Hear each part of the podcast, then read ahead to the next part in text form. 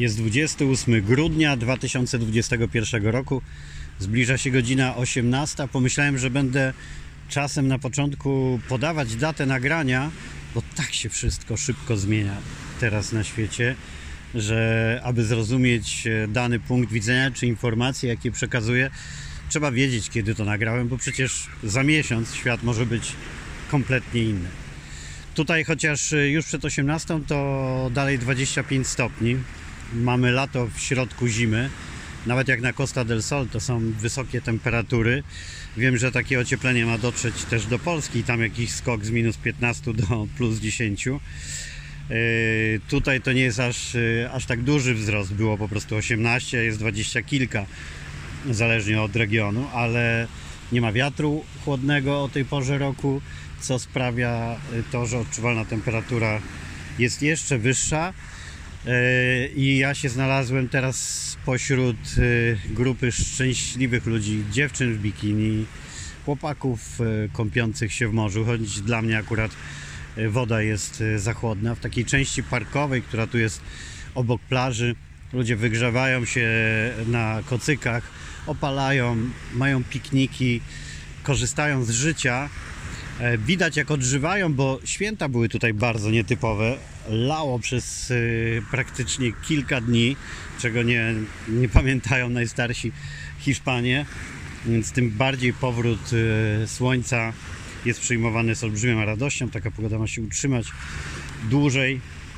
I ja zamierzam z niej skorzystać jeszcze w innych okolicznościach przyrody, ale to może nie będę na razie obiecywać sobie ani Wam, tylko zaskoczę Was nagraniem stamtąd, jeśli się uda spełnić jedno z moich marzeń w tych najbliższych dniach. A kiedy patrzę na tych szczęśliwych, korzystających z życia ludzi, oczywiście można powiedzieć, że tutaj jest takich więcej, jest im łatwo, no bo Costa del Sol to jest raczej zagłębie bogactwa i ludzi, których stać na te wszystkie luksusowe wille, limuzyny, baseny, ale jest też przecież masa, tysiące y, ludzi żyjących y, skromnie y, i potrafiących się y, cieszyć życiem mimo wszystko. I w tych okolicznościach chciałbym Wam opowiedzieć o zjawisku, które y, już ma tytuł nawet Great Resignation oraz Big Quit. Zaczęło się ono w Stanach Zjednoczonych w tym roku i skoro rok się kończy, warto to podsumować, a mianowicie chodzi o masową rezygnację ludzi z pracy całkowitą lub zmienianie pracy na dogodniejsze dla siebie warunki, e, rezygnowanie z pogoni za pieniędzmi, za dostosow- na dostosowywanie się do żarłocznego e, kapitalizmu i wiele innych czynników. Pandemia i COVID spowodowały przemyślenia u ludzi. Jestem podbudowany, bo pamiętam jak e, na początku pandemii nagrywałem podcast z wielką nadzieją o tym, że to wpłynie na ludzi, jeśli chodzi o przewartościowanie życia, zdanie sobie sprawy z tego, co naprawdę ważne. I potem byłem taki załamany, gdy w Polsce po pierwszym długim lockdownie otwarte zostały galerie handlowe i Polacy ruszyli po prostu do nich tłumnie jakby pierwszy raz w życiu mieli okazję zrobić e, zakupy, konsumpcjonizm rozhulany do granic możliwości i wtedy e, pamiętam opowiadałem Wam, że no nie spełniły się moje przypuszczenia i muszę z przykrością stwierdzić, że jeszcze wiele złego e, musiałoby się wydarzyć, aby ludzi naszła jednak jakaś głębsza refleksja. Ale okazuje się, że ona była najpierw pełzająca, a potem wybuchła i tak jak wiele trendów przychodzi ze Stanów Zjednoczonych, taki ten ma szansę rozlać się na cały świat. I teraz uważajcie, pomyślcie przez chwilę, ile waszym zdaniem osób odeszło z pracy y, w tym mijającym roku w Stanach Zjednoczonych lub zmieniło ją nagle, mm, no właśnie y, z powodu doświadczeń po-covidowych, y, dostrzeżenia zalet pracy zdalnej, traum również po śmierci bliskich i wielu, wielu innych powodów. One są przez badaczy teraz podsumowywane, ale wszystkie składają się na to Great Resignation czy Big Quit. No, ile waszym zdaniem osób? Z pewnością odpowiedź będzie zaskakująca, bo dla mnie taka była. 35 milionów Amerykanów tylko w tym mijającym roku zdecydowało się porzucić swoją dotychczasową pracę, przejść na emeryturę, zrezygnować w ogóle z pracy, jeśli mieli taką możliwość, lub zmienić ją po prostu, przestać tkwić w czymś dla siebie mm, złym. E, No bo świat i to, co się działo, pokazał im, jak kruche jest życie, jak warto żyć tu i teraz, jak nie warto z kolei odkładać na później marzeń. Przecież to w Stanach Zjednoczonych była ta bardzo silna kultura emerytury, taka, że naturalnym było praca całe życie po to, żeby odkładać marzenia e, na czas emerytalny. Ten słynny jacht tam w regionach, które mają e, obok siebie wodę, e, domki gdzieś weekendowe, przeprowadzka na Florydę i wiele innych opcji, to w Stanach była naturalna kolej rzeczy, że się zapieprza całe życie po to, żeby na emeryturze yy, korzystać zarobionych wcześniej pieniędzy. No i pandemia to wszystko zmieniła. Jeszcze raz powtórzę, 35 milionów ludzi zdecydowało się porzucić swoją dotychczasową e, pracę. To oznacza również spore pro- problemy dla pracodawców, jeśli szybko się nie zreflektują, co robić i jak w tym trendzie się odnajdować. Duże korporacje już wiedzą, oferują ludziom pracę zdalną lub przynajmniej hybrydę, tak jak Google, które już oficjalnie ogłosiło, że przyszłość e, pracy, ale nie przyszłość taka jak wcześniej miało być za dekadę czy za kilka lat, tylko przyszłość od 2022. To jest e, praca 3 dni w tygodniu e, w biurze, e, dwa dni w tygodniu w domu. No a większość badaczy mówi, że w ogóle trzeba powoli zapominać o pięciotygodniowym e, dniu, o pięciodniowym e, tygodniu pracy, że zależnie od branży ludzie powinni pracować 4 lub 3 dni w tygodniu. Pewnie kiedyś dojdziemy do momentu, e, kiedy to będzie jeden dzień w biurze na przykład, a reszta na pracy zdalnej, albo w ogóle całe na zdalnej, oczywiście w pewnych bańkach. Ja już mówiłem o tym w podcaście, że nie zapominajmy, że wciąż większość ludzi na świecie nie ma możliwości pracy zdalnej, yy, więc u nich tak szybko się wiele nie zmieni. Chociaż przykłady z niemieckiego przemysłu ciężkiego i z całego Zagłębia, które zdecydowało yy, już w zeszłym roku o czterodniowym dniu pracy na próbę, no wskazują jednak, że chociażby automatyzacja, robotyka, sztuczna inteligencja może przyspieszać y, te możliwości skracania czasu pracy. Najważniejsze, że w końcu dociera do wszystkich, że efektywność człowieka to jest na pewno nie 8 godzin dziennie w pracy. To jest zależnie od organizmu, godzina, dwie, trzy, zależy czy to ma być pik intelektualny czy fizyczny i że lepiej wykorzystywać e, te momenty, kiedy człowiek jest najbardziej produktywny, niż mm, działać w ramach wysiadywania dupogodzin. Yy, Ale ten trend pandemiczny rozlewa się, jak mówiłem, już na cały świat. W, w samej Wielkiej Brytanii jest w tej chwili, uwaga, milion wakatów. To znaczy, brakuje milion osób na stanowiskach pracy, które są nie na jakichś nowych, tworzonych, tylko na tych, na których po prostu są braki. Milion osób. Yy, A to dopiero postępuje. W Australii 400 tysięcy wakatów, a fala ze Stanów Zjednoczonych, które trendy zawsze wyznaczają, są takim wskaźnikiem dla świata. Y, Wszyscy patrzą, no to tak jak ja, dowiadując się, że 35 milionów y, osób zrezygnowało tam z pracy, głoszę to dalej. Być może ktoś z Was usłyszy i dzięki temu odważy się też do jakiejś zmiany, y, o której myślał.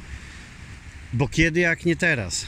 No po co to mm, ta wieczna gonitwa, nie wiadomo za czym i odkładanie y, wszystkiego na później? Po to, żeby skończyć jak ci żałośni dziadkowie y, tu w moich okolicach w Puerto Baños i w Marbei, którzy y, siedzą w swoich Ferrari albo przy stolikach najdroższej restauracji z laskami wyglądającymi na wnuczki e, i epatują bogactwem, na które najczęściej zapieprzali całe życie, pnąc się po szczeblach kariery po to, żeby parę lat u schyłku życia, zamiast odpocząć, to dalej pracować w pewnym sensie, e, lansując się no, po, po, po prostu, bo to lansowanie, co widzę chociażby po różnych osobach z mojego otoczenia, to jest ciężki kawałek chleba, szczególnie w dobie mediów społecznościowych, gdzie przecież tym lansem trzeba się odpowiednio pochwalić, obrobić zdjęcie, wrzucić e, instastory, zadbać o to, by wszyscy widzieli, jakie kto ma marki, ile pieniędzy wydał na wakacje i najlepiej, by zazdrościli, by zazdrościli tego, jak jest. Ja tu zawsze z przekąsnym podziwem obserwuję starania różnych osób e, z Polski, moich znajomych, którzy wpadają gdzieś e, tutaj na wybrzeże Hiszpanii, no i trafiają tak jak ci, którzy mieli pecha przyjeżdżając na święta na pogodę koszmarną, kiedy była ściana deszczu. Bardzo współczułem e, tym ludziom, którzy zdecydowali się na słoneczne święta w Andaluzji spotkała ich przykra niespodzianka. Ale to, jak oni kombinowali, żeby na Instagramie mimo wszystko znaleźć jakieś okienko pogodowe i 100 tysięcy filtrów, by udawać jednak, że jest ciepło, wspaniale, no to jest coś niesamowitego. Ale no, w, w takich czasach żyjemy e, i kto nie podkoloryzował, nie podkolorozy, podkolo, podko, podko, ale się teraz pakowałem. E, Kto nie podkręcał, może tak powiedzmy, swojego życia w mediach społecznościowych, niech pierwszy rzuci kamieniem. Będę obserwować ten e, trend e, Great Resignation nadal i, i inf- informować Was, e, co się dzieje, ale to znowu podpaliło moją nadzieję na duże zmiany w ludzkiej świadomości. I powiem Wam, że na przykład, gdy słucham, jak olbrzymim problemem mm, dla świata był przerwany przez y, COVID łańcuch dostaw i na przykład to, że brakuje teraz półprzewodników, bez których nie można wyprodukować wielu urządzeń, ale przede wszystkim też ze spektakularnych przykładów nowych samochodów. E, I teraz całe dramaty są analiz y, o tym, że na nowy model samochodu trzeba czekać jeszcze dłużej niż wcześniej. E, Na niektóre można się w ogóle nie doczekać. A ja na to odpowiadam, no i co z tego? Bardzo dobrze. Niech się sprzedają używane samochody, bo przecież mamy ich za wiele. E, oglądam vlog bez, bez planu. E, od dawna polecam, jeżeli na YouTube nie trafiliście na to. Bartek Czukiewski, e, który robił świetny cykl z Wenezueli. Zresztą e, wygrał za ten cykl nagrodę mojego festiwalu Best Stream Awards. E, Potem na Filipinach, tam akurat pandemia go zatrzymała na rok na małej wysepce, z której nie mógł się wydostać, ale gdy się w końcu udało, mm, poleciał na Kubę i stamtąd zrobił parę fajnych odcinków. I oczywiście to jest coś strasznego, e, że tak długo uchowała się tam komuna. Wydaje się niemożliwe, żeby w tym świecie e, jeszcze można było funkcjonować w tak prymitywnych warunkach z pustymi sklepami, jakie widzieliśmy w Polsce tylko za komuny, oprócz paru lat e, pseudo-dobrobytu Zagierka. E, Tam chłopaki naprawdę mieli problem, żeby nawet wodę kupić e, w sklepach. Ale co zwraca uwagę, to mm, przez e, embargo amerykańskie głównie i też e, różne blokady przez rząd kubański robione, e, tam praktycznie nie ma na ulicach nowych samochodów. W ogóle samochód jest mega luksusem. Jak ktoś nie jedzie bryczką e, albo rowerem, no to jest e, krezusem. E, Ale samochody nowe są rzadkością i w związku z tym oni pielęgnują stare, stare modele. No i tam na ulicach wciąż poruszają się z gracją samochody z lat 50., 60. i świetnie sobie radzą. I to mi też tak poddało przemyślenie, ile w tym ciągu dążenia do ciągle czegoś nowego, co często wcale nie jest y, y, najlepsze, ile się marnuje. I że nic by się nie stało na świecie, z mojego punktu widzenia, gdyby tak z 2-3 lata nawet nie mogły się produkować nowe samochody i zamiast tego y, zmuszeni sytuacją dealerzy i warsztaty zadbaliby lepiej o używane y, i one znajdowałyby właścicieli i no, dłużej byłyby w czyichś rękach, a nie wymieniane tylko na nowe zgodnie z modą. Na Kubie to akurat doprowadziło do absurdów takich, że e, tam jakiś 20-letni samochód, który w Polsce kosztowałby 1,5 tysiąca złotych, tam 15 tysięcy dolarów. E, Więc to jest oczywiście wypaczone, ale przykład i maluchów, którymi oni tam jeżdżą. Maluchy są w ogóle kultowymi samochodami na Kubie. I to, co z nimi potrafią robić, czarując części, których nie ma, pokazuje tylko, mm, jak dawniej było, że przedmiotów się nie wyrzucało, tylko się je naprawiało. A teraz po prostu wszystko wymieniamy na nowy model. Ja nagrywam ten podcast mówiąc y, do Was, do smartfona, y, który ma 4 lata i to jest mój taki używany na co dzień, a czasem nagrywam do takiego, co ma 8 lat. Yy, I dopiero się zdecydowałem teraz zakupić nowy model telefonu, ale przypominam, że ja używam smartfona bardzo zawodowo. Ja bardzo dużo nagrywam, robię, robię zdjęć, on pracuje jako modem, no jest non-stop wykorzystywany. I potrafię 4 lata mieć z powodzeniem i wykorzystywać do wszystkiego, co potrafię i nie potrzebuję e, nowego modelu. E, A większość ludzi musi się przesiadać co rok na nowy smartfon, chociaż nie wykorzystuje nawet kilku procent jego możliwości. Tylko chodzi o lans i o to, żeby można było pokazać, że jest nowy model. To w tym kontekście ja nie mam nic przeciwko, żeby ten przerwany łańcuch dostaw e, spowodował, że trochę zadbamy o stare rzeczy i spadnie konsumpcjonizm. I jak to połączymy z tym ruchem Great Resignation e, i się okaże, że e, ludzie wybierają, aby być, a nie mieć, no to może nastąpi ta wyczekiwana przeze mnie bardzo zmiana świadomości, nastawienia ludzi, wzmocnienie trendu minimalizmu i tego, żeby rzeczywiście skupić się na tym, co w życiu jest ważniejsze i żyć tu i teraz. Ja szczególnie oczywiście mm, te refleksje u mnie są jaskrawe, e, kiedy mieszkam od tylu lat w centrum europejskiego lansu. Oczywiście ja z boku od niego w zupełnie innych warunkach, ale e, to na Costa del Sol się epatuje tym bogactwem, nowymi modelami, nowymi ciuchami, torebkami, postokoła i innymi bzdetami i pierdoletami, które mają leczyć kompleksy ludzi, y, którzy mają je tak wielkie, że muszą określać własną wartość przez torebkę zawieszoną na ramieniu. To jest coś potwornego. Ale dobra, to ty, tyle na ten temat. Yy, yy, dodaję Wam odwagi. Jeżeli myśleliście o jakichś zmianach zawodowych, to przyjrzyjcie się temu, co się dzieje w Stanach Zjednoczonych. Od razu zaznaczam. Wiem, że wielu ludzi po prostu nie ma takiej możliwości. E, I żebyście się na mnie nie wkurzali, że łatwo powiedzieć zmień pracę, a ja po prostu mm, nie, nie będę mieć możliwości znaleźć nowej. Ale jeżeli jest taka możliwość, jeżeli gdzieś się tliło marzenie o przeprowadzce do mniejszej miejscowości, o zmniejszeniu kosztów życia w dużym mieście, czy po prostu o rezygnacji z pracy, bo macie już odłożone na tyle, żeby spokojnie pożyć, to zróbcie to teraz, póki jeszcze żyjemy jakoś normalnie, bo nikt nie wie, e, czy nie będzie gorzej, e, bo wiemy natomiast, że dobrze to już było.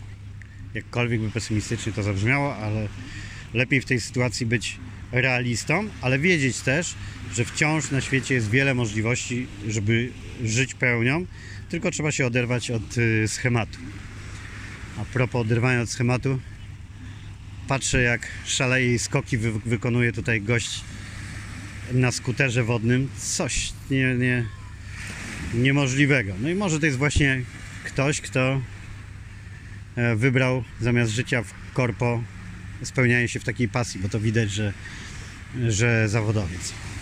E, Chcę Wam jeszcze coś powiedzieć. Na moim Facebooku Radek Kobiałko nadaje. Znalazł się dzisiaj fragment e, spektaklu Kolejna Kolejka Powolność, który wyprodukowałem z okazji 40-lecia stanu wojennego e, w Teatrze w Opolu. Opowiadałem Wam o tym w poprzednich odcinkach e, podcastu, ale jest specjalna okazja, by wspomnieć i zachęcić Was do przeczytania mojego posta na Facebooku, bo pozwoliłem sobie na taki osobisty wpis, jak to ja w sumie, i na zdradzenie, jaką miałem ukrytą intencję podczas tej imprezy. 40-lecie stanu wojennego na sali znani opozycjoniści ze Zbigniewem Bujakiem na czele, a ja myślami z moim nieżyjącym już niestety 30 lat tatą, który był szefem opozycji na Opolszczyźnie i jedną z głównych postaci opozycyjnego ruchu w Polsce, ponieważ zmarł zanim rozhulał się internet powstały media społecznościowe, to niestety jest w gronie wielkich osób, które miały olbrzymi wkład w to, byśmy odzyskali wolność w czerwcu 1989 roku i kształtowali Polskę w tym pierwszym okresie, ale jest o nich cicho, bo odeszli zanim powstał internet, nie ma w nim o nich tak wiele śladów. I to jest przypadek mojego taty, e, który miał naprawdę olbrzymi wpływ na kształtowanie polskiej e, rzeczywistości. Jego odejście, oprócz tego, że było i jest do dzisiaj tragedią dla nas, dla najbliższych, no to pozostawiło też bardzo dużą wyrwę w życiu politycznym. Tato był w prezydium Unii Demokratycznej razem z Mazowieckim, Kuroniem, Konopką i Kuczyńskim w takim ścisłym, pięcioosobowym gronie. Gdy zmarł, na jego pogrzebie były tysiące ludzi, y, a na czele premier Tadeusz Morawiecki i wielu, wiele innych y, postaci zacnych, które przez kolejne lata pokazywały nam, że na, na taką zacną ocenę zasługują, a szły ścieżkami właśnie wytyczanymi przez e, takich e, opozycyjnych myślicieli jak e, mój tato, ludzi, którzy, e, którzy wytyczyli ramy tego, jak Polska powinna funkcjonować. I gdyby takich ludzi jak on było więcej, to nie doszlibyśmy chyba do ściany e, w postaci takiej polaryzacji, nienawiści, no bo on był człowiekiem porozumienia zdecydowanie. Ale to może kiedyś opowiem Wam o tacie jeszcze więcej, ale teraz y, chciałem Wam zdradzić, jaki post popełniłem i zachęcić Was do obejrzenia. Otóż y, po stanie wojennym, który ja wiem, że teraz z perspektywy czasu, nawet jak ktoś pamięta stan wojenny z Was, to ciężko jest y, poczuć, jak to naprawdę było. Dla mnie to był stan wojny. To był stan e, e, i przed stanem wojennym zresztą całe nasze życie tak wyglądało. Wpadanie różnych służb do domu, poszukujących taty, żołnierze wywożący go w środku nocy na poligon i mówiący mamie, że przecież zbłąkana kula zawsze może się zdarzyć. E, I w końcu stan wojenny, który dla mnie naprawdę był wojną, e, nocą podczas godziny policyjnej przemykałem się e, i wymykałem patrolom wojska i policji, dostarczając paczki dla internowanych. W lesie pod Opolem w Suchym Borze miałem cały schron, ziemiankę z butelkami z benzyną, z różnymi rodzajami broni, będąc naprawdę przekonanym, że za chwilę będzie wojna domowa lub taka nawet z obcym sowieckim agresorem. Te butelki z benzyną zresztą przydały mi się do obrzucenia lokali wyborczych yy, podczas referendum i nie tylko. Miesięcznice stanu wojennego to dla mnie rozrzucanie pod katedrą w Opolu każdego 13 ulotek Polski walczącej, które robiłem sam z ziemniaka uczynionego pieczątką i wyciskanych e, ze składów długopisów wyciskanego atramentu. E, Miałem też inne ulotki i tam intonowałem z moim przyjacielem Jurkiem Magierowskim też nieżyjącym niestety Boże coś Polskę. Wybaczcie trochę tych kombatanckich wspomnień, ale to wszystko po to, żeby doprowadzić Was do, do tego posta i przyczyn tego, co zamieściłem i co zrobiłem podczas spektaklu. Chcę, żebyście mnie lepiej zrozumieli. I zaraz, gdy stan wojenny się skończył, to czasem chwili wytchnienia, otuchy, poczucia, normalności dodawały nam wspaniałe polskie piosenki, przeboje. I wśród nich była jedna niezwykła piosenka, która zdaniem mojej mamy, ja się z nią w zupełności zgadzałem, opisywała jeden do jednego mojego cudownego tatę. Zresztą można by też znaleźć tam podobieństwa mm, ze mną y, w późniejszym okresie, bo ja też czytając wannie traciłem wzrok przez wiele lat, a na koncertach krzyczałem więcej czadu i zdarza mi się tak krzyczeć jeszcze do dzisiaj. I dlatego na finał widowiska Kolejka Powolność, które było pięknym, słowno-muzycznym przedstawieniem przypominającym nam czas stanu wojennego, przygotowanym przez Teatr Piosenki. Poprosiłem Krystynę Prońko, pojawiającą się wcześniej w spektaklu. Bardzo mi zależało, żeby była jego częścią, ponieważ psalm stojących w kolejce i piosenka był bardzo istotnym momentem w tym przedstawieniu i cieszę się, że to właśnie ona wykonała tę piosenkę i inne. Ale ja na koniec, na finał spektaklu, poprosiłem jej o wykonanie właśnie tej piosenki, która tak dobrze opisywała mojego tatę i takie piękne wspomnienia mi z nim przywołuje. Jesteś lekiem na całe zło. Ech. Mam nadzieję, że że jeśli jest coś gdzieś tam, to, to uśmiechnął się. Yy, Widząc ten finał, to była niewypowiedziana intencja. Nikt o tym nie wiedział, dlaczego taka konstrukcja przedstawienia, dlaczego taki wybór dla mnie na końcu, dlaczego tak mi zależało. Zdradziłem to dzisiaj w tym poście, teraz opowiadam Wam. No i posłuchajcie razem ze mną na koniec Krystyny Prońko, jesteś lekiem na całe zło i dowiecie się więcej słuchając tekstu o moim tacie i trochę też o mnie. Do usłyszenia.